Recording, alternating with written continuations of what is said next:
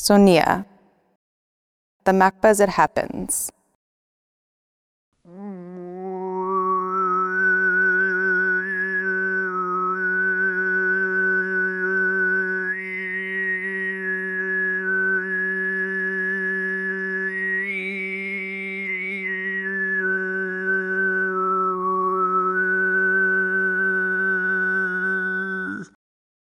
Pascal Gielen is the director of the Arts in Society Research Group at the University of Groningen, where he also teaches sociology and cultural politics.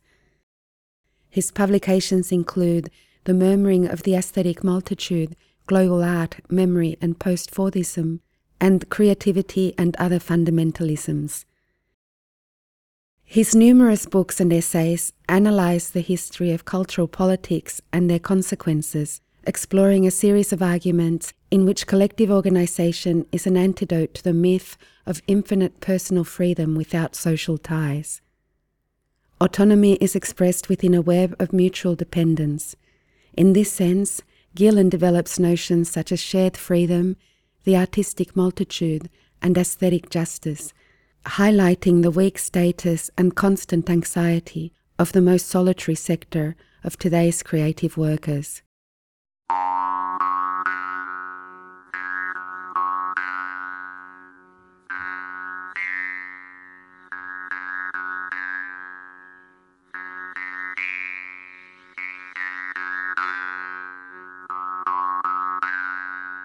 Sonia talks to Pascal Gielen about post-Fordism, neoliberalism, autonomy and mobility, about the paradoxes of community art, and about the importance of artistic dissent in a possible economy of the commons, which is latent and still to come. Autonomy and mobility. The automobile artists for me, there is a kind of, in this kind of 19th century logic of building up the idea of autonomy, there's a beautiful parallel between the autonomous artist and the automobile. And what is uh, interesting is that also the automo- uh, uh, automobility is, of course, a myth in that sense that the, the car uh, seems to give you freedom. You have the feeling that you're on a private space uh, you nowadays you have even sound systems and audio systems in your car that it gives you the feeling that you're in a living room. But in fact, with the car, you are in public space. You're driving on the road, and this is a very interesting idea of freedom we had already. I think uh, since liberalism, uh, it is the uh, the idea of freedom that you can do your private own things in public space and uh, the car as a kind of safe space the feeling you have that it is a safe space when you are in stimulates this kind of feeling of autonomy. But we all know, of course, that to drive a car you need uh, roads and streets, you need uh, oil, you need gas, etc. So, in fact, the, uh, the car simulates a kind of autonomy, but at the same time, it is has to be connected with a, lot of other uh, social actors to uh, uh, stay driving and also to stay in a way free.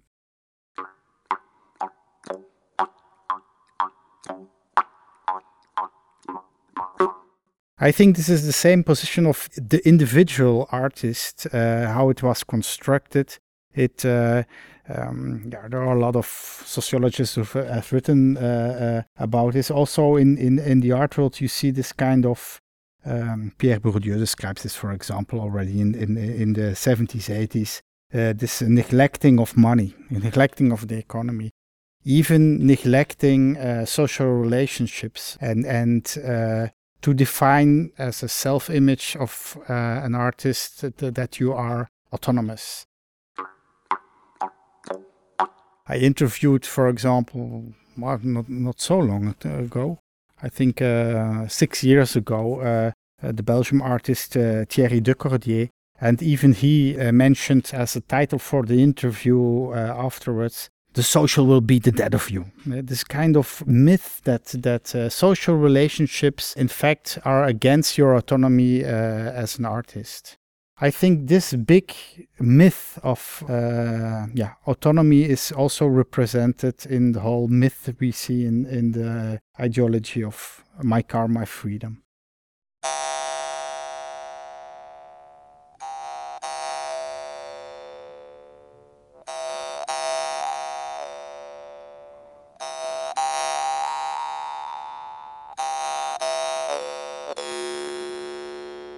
This is mixed up already from the 19th century on, especially in, in, in uh, the myth of the artist, that artistic autonomy is also social autonomy. I think that uh, no, I'm not. I'm not thinking. I'm convinced that you can only make autonomous art, and I think that you can make autonomous art. That's not the point, but only because you are networked in a heteronomous way uh, in the social uh, field.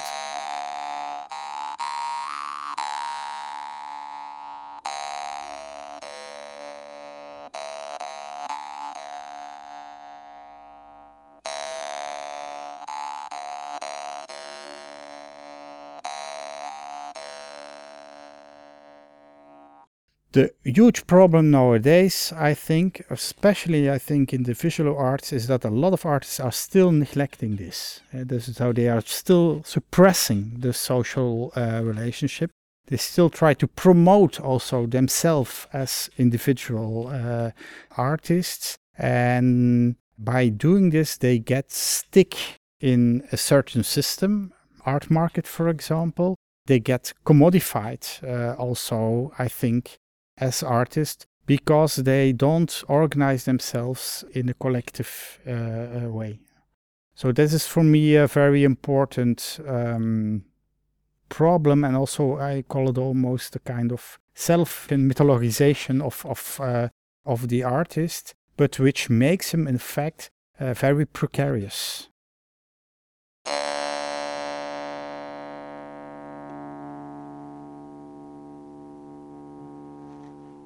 That is a kind of individual artist is a kind of what I call always a weak political animal. The artist is freelancer, he's not in a union, he doesn't need a union, he can do it for itself, etc. That's all what neoliberalism nowadays wants. That we say this and believe in uh, uh, uh, believe in this. So it is this kind of yeah myth again, which is uh, is becoming more and more the kind of general ideology uh, uh, in which we are in.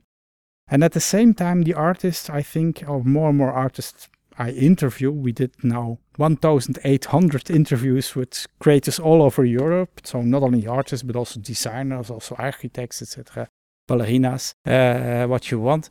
More and more, you see this very problematic solitude of uh, of the artist, they still cultivate uh, this, but at the same time, they, in fact, by doing this, they get commodified. Otherwise, they cannot survive. They have to make a brand of themselves.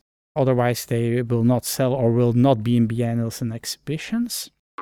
And they see also we saw that at least in the interviews, that they recognize this problem and they uh, recognize even that this attitude will come back as a kind of boomerang in their face at a certain moment.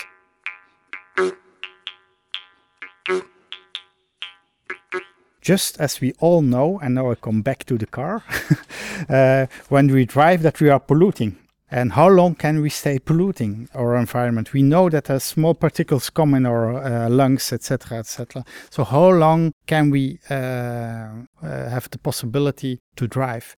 So more and more drivers also who like their car and their freedom realize uh, while they are driving that they are very dependent of a whole uh, social structure.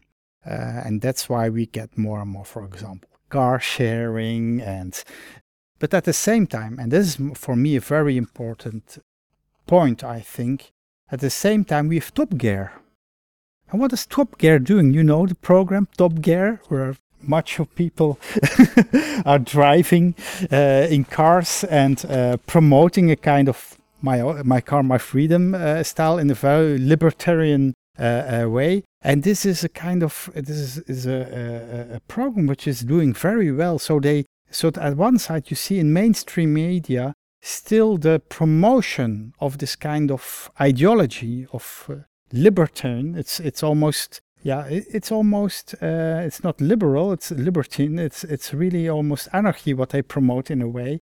But what are they promoting there? It is taking your freedom without using your freedom in the public space. What I mean by this is, it's all about not paying taxes when you drive, speeding. Uh, uh, while, while, you know uh, uh it is uh, it is a whole cult of speeding uh, while, while, you drive a car. in how it is promoted by Top Gear, while they know they get how do you call it that they go, get trapped by the police and they even have to pay, they laugh with it. So this is kind of taking your freedom in a, neg- a negative sense, the defining your freedom as something uh, what you have rights uh, on, but you don't have to uh, share your freedom, and it is impossible to share this freedom with others because this is a freedom which takes the freedom of others.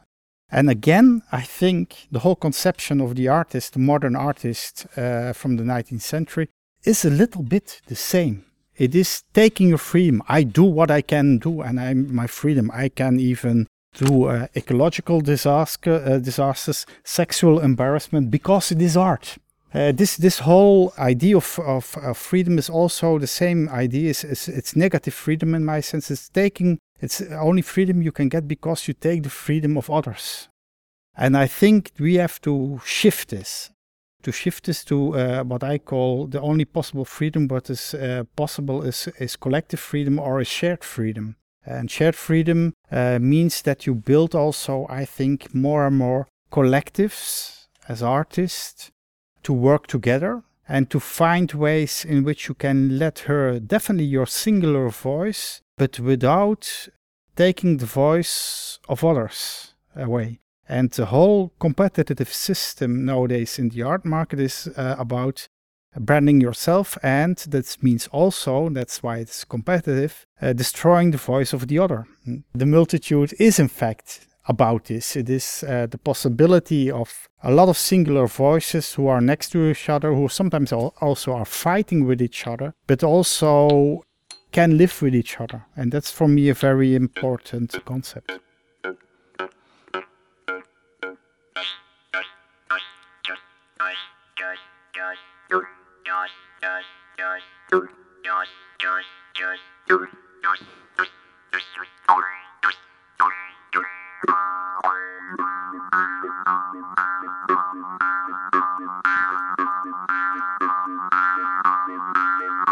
Feeding the Commons.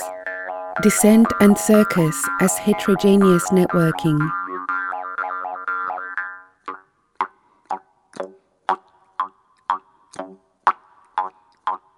How we can do this, I think, by uh, um, I think more and more thinking about organizing ourselves like um, like in a circus or something like that. It means uh, a circus. I mean as a metaphor, but also specific. How was circus life organized? Private and public life was mixed. Family life for most of the time uh, families, but also creativity and economy. It is a kind of way of of uh, living off your creativity, but at the same time, yeah, making uh, money of it. But it is also in a tent, and a tent is for me kind of place which you mark and you can define this uh, this mark as inside is your own uh, your own conditions your own sovereignty you build your own vertical institution even again which protects you uh, uh by the circus but you can do this, you know this, uh, putting such a tent uh, straight, uh, you can do this or, or vertical. You can do this only in a collective. You have to you trust each other, uh, you have to work with each other to do this. But when you realize it, you can make fantastic work uh, very cheap because you have social relationships. And the last important thing, where, while I use the metaphor of the circus, it moves so it means also it comes there, for example, in a city, it uh, puts up the, uh, up the tent, it uh, creates its own autonomic self-governmental space for a moment. And what I would like, and what is m- maybe different from classical uh, circus, is also that it invites other people to share this uh, this space. But that it is also not such a rigid thing as a museum, as an institution which says, and this is for life the historical canon uh, where we stand or no, it moves and it builds up again another hierarchy somewhere else. And this is for me a very important way of thinking about how we can organize ourselves nowadays as artists like a circus. So mixing all those and again uh, becoming autonomous, letting hear your singular voice by being networked in a heterogeneous way. So this means also not only for artists this is important, I think more and more also for intellectuals, for professors at the universities who have the same problems, doctors in hospitals have the same problems. So I think also this kind of this kind of circus tent is a mixture of people who are creative, but also people who are very creative in uh, different economies, or people who are creative in surgery, and you try to mix them together and hold them together.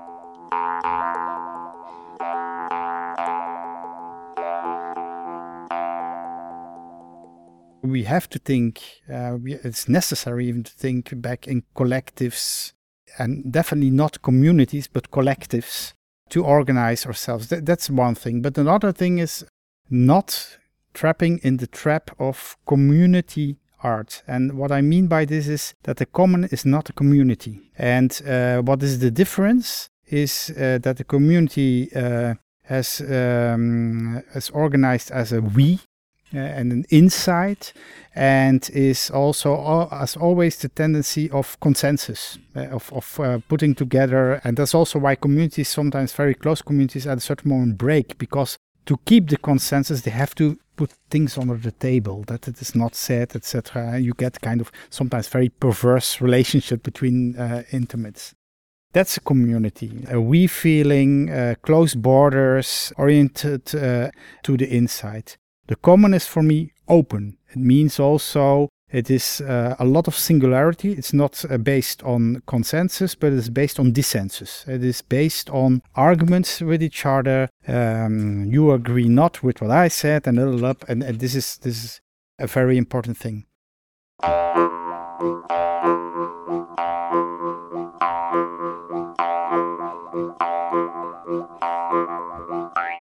I think I know the role of the artist, what you ask it is. He is. He's a specialist in bringing in a singular voice. Uh, he's specialist in saying, no, I'm not doing it like this, I'm doing it like that. And that is how it has to be. And immediately when you do this, you take this position, you are in a fight. You have to argue again and again why you do it like this and why you call it, for example, art. This is what I call the uh, the singular movement from the singular and trying to make it collective. You make try to make of a singular artwork culture, or you uh, try to make of a singular belief and um, singular value a collective value. This is the whole movement you try to make, and I think this is the thing again where artists are specialized in, and to try to to make this movement. And uh, by, uh, while they are doing this, they are feeding, in fact, the common and this kind of dissent place which gathers, but gathers because of the singular argument you want to give uh, a voice. So the mechanism is, is uh, uh, uh, totally other. And for, for me, it's important not only this movement from the singular to the collective and then be there and be a consecrated artist or something like that. No, for me, it's important that this movement is coming again and again and again and again.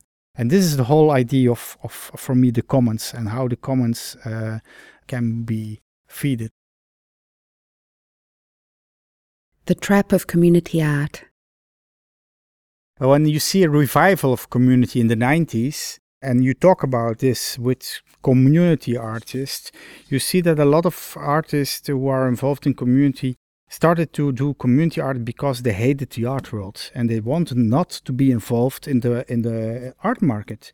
I, I, agree with this. This kind of was almost a kind of silent protest, let's say it like that, and say no. As an artist, I want to be a servant even for the community. I want to do something for the community, and the art world sucks. It's only about money and or it is about competition, a kind of symbolic uh, capital competition, which is completely not interesting uh, for me. So what is very interesting, I think, is that community art started with a big belief, an honest, I think, even uh, idealistic feeling of a lot of people, artists, and that they have to do something else and be uh, creative.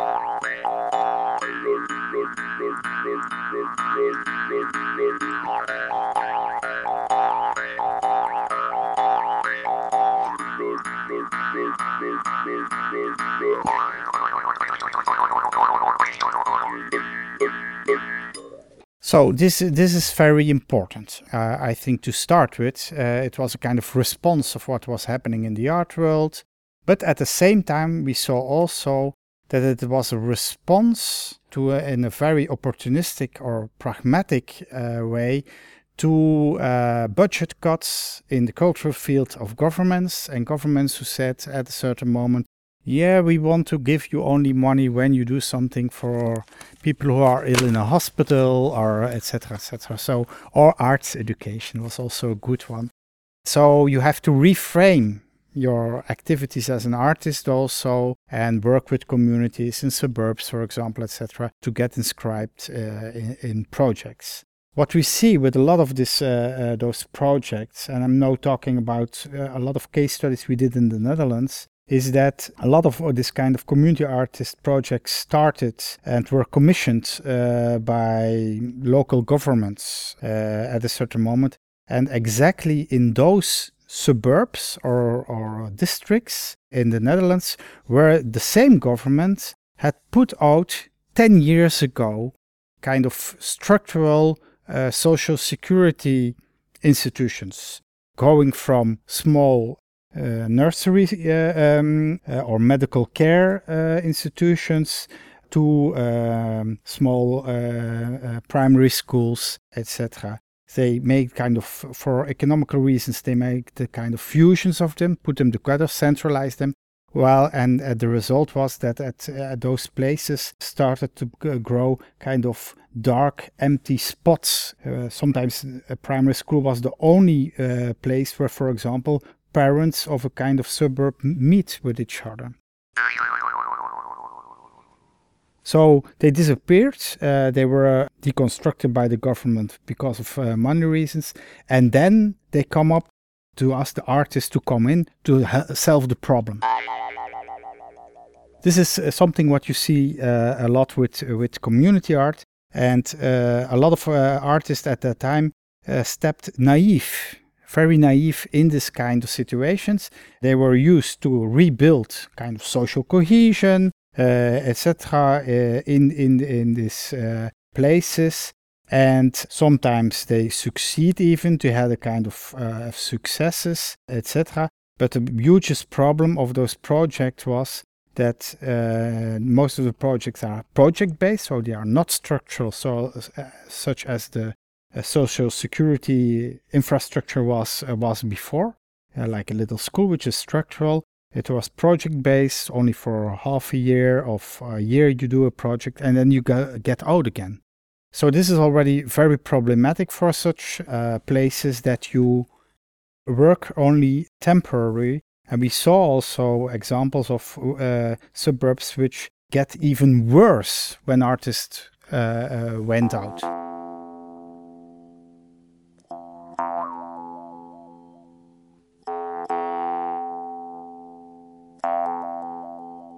So for me, it's a kind of cheap solution of uh, community art was in that sense uh, when it is used like that to fill up the holes in a neoliberal uh, uh system uh, and helps them uh, a neoliberal system to survive. In fact, by very cheap interventions of of artists there.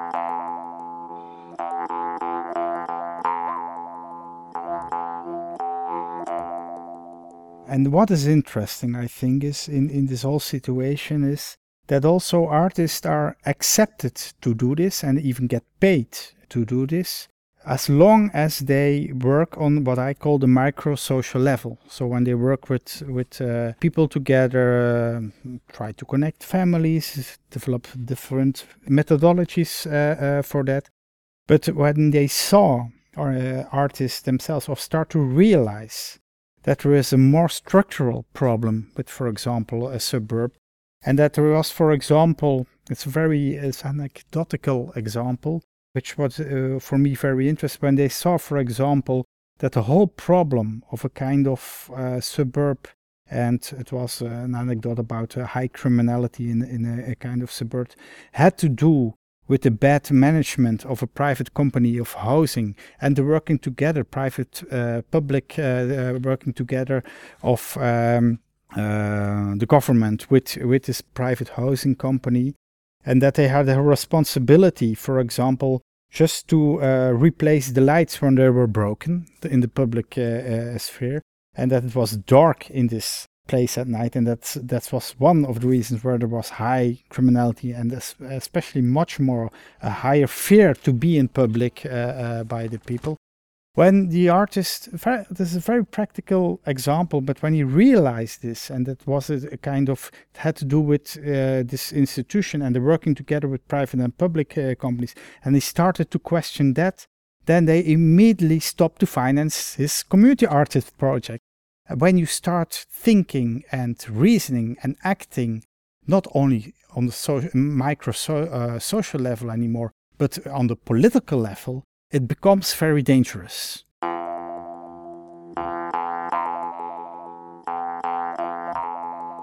And in fact, I think my recommendation is, in fact, that you have to do both. So I only believe, I think, in community art nowadays when you, at one side, work on the social level, but at the same time, you work on the social level to in old fashioned 60s word, emancipate uh, people, try to be aware of the political situation in which they uh, are involved. When you do this not, you get what I call NGO art.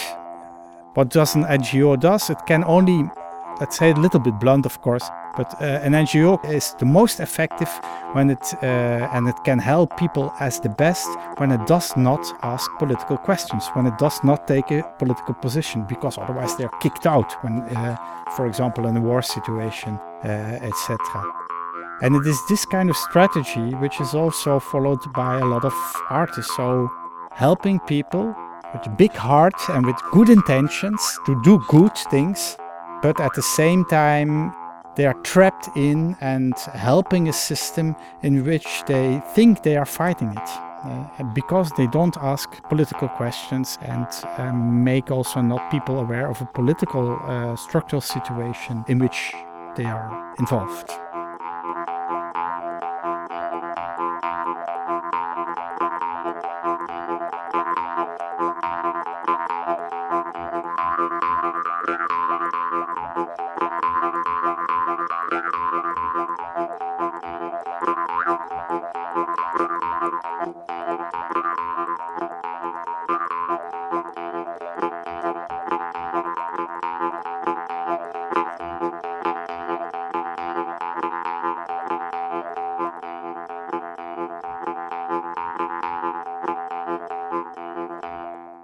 Aesthetic justice.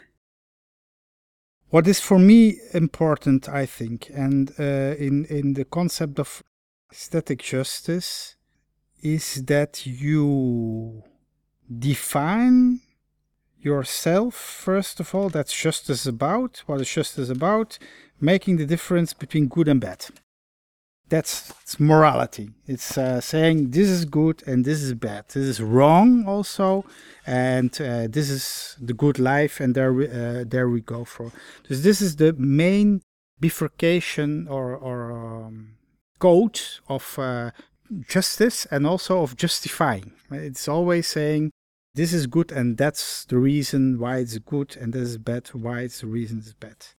What I think for uh, aesthetic justice and uh, um, artists, I think who, who, are busy with this kind of of quest and busy busy with so good and bad. They are only interesting uh, for me and also fit in the idea of aesthetic justice when at a certain moment they put their own identity as an artist at risk so that they get stick in their own question uh, about uh, what is good and what is bad and that they have to make a, a painful decision. And when they make this decision the problem is that they and they know it when i make this decision i take the risk that i fell out out of the art world.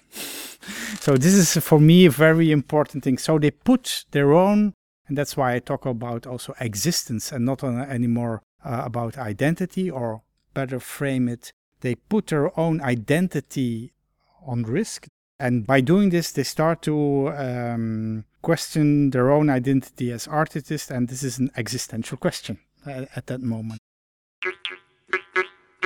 I think the most interesting artists uh, nowadays are the artists who really take this risk, uh, and this means that they sometimes are going to do indeed only social work and try to redefine it as art or political uh, being political activists and they are also they playing with risk because there is still in the art world a kind of rule or rules i have to say which let you in and out the art world. And i think the the artists in stick busy with artistic justice they at at least try to break this rule so this is for me the main thing and then what can be justice about it's for me secondary it's it can be about indeed it can be very political, uh, it can be feminist things or, or etc. Justice is for me always about equality. That you are convinced that things are not equal uh, dealt with, etc., and that that there has to be a kind of basic equality, but it can be on a lot of uh, uh levels.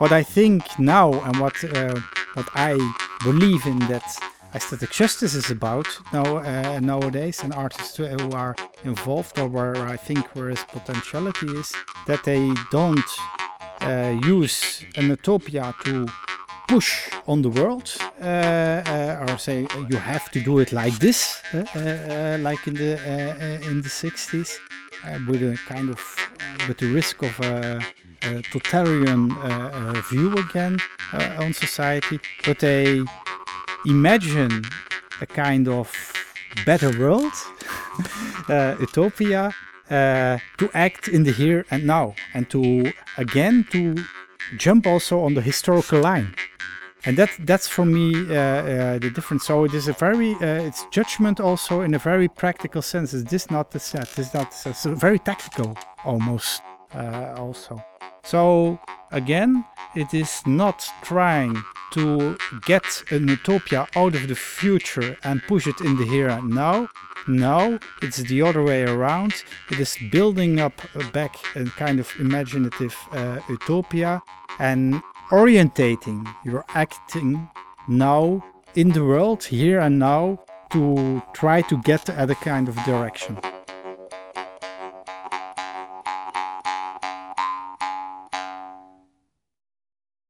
for me, this is also a very important thing when talking uh, again about aesthetic justice. It means also that you are not only responsible to criticize, you have to, uh, and this uh, sounds very dirty, this word, you have to be also constructive in a way, but of course self constructive and uh, under your own terms again, because otherwise uh, you have the risk that critique itself just becomes also a commodity.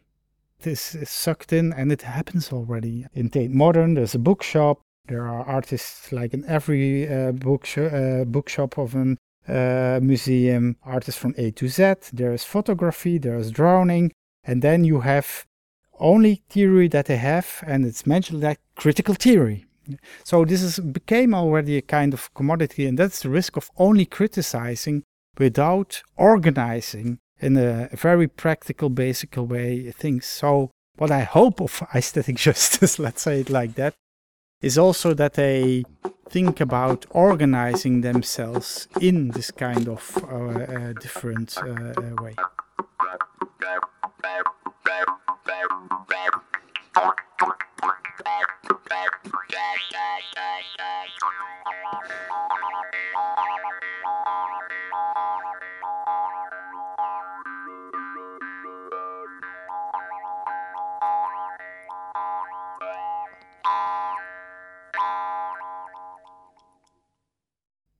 macba.cat.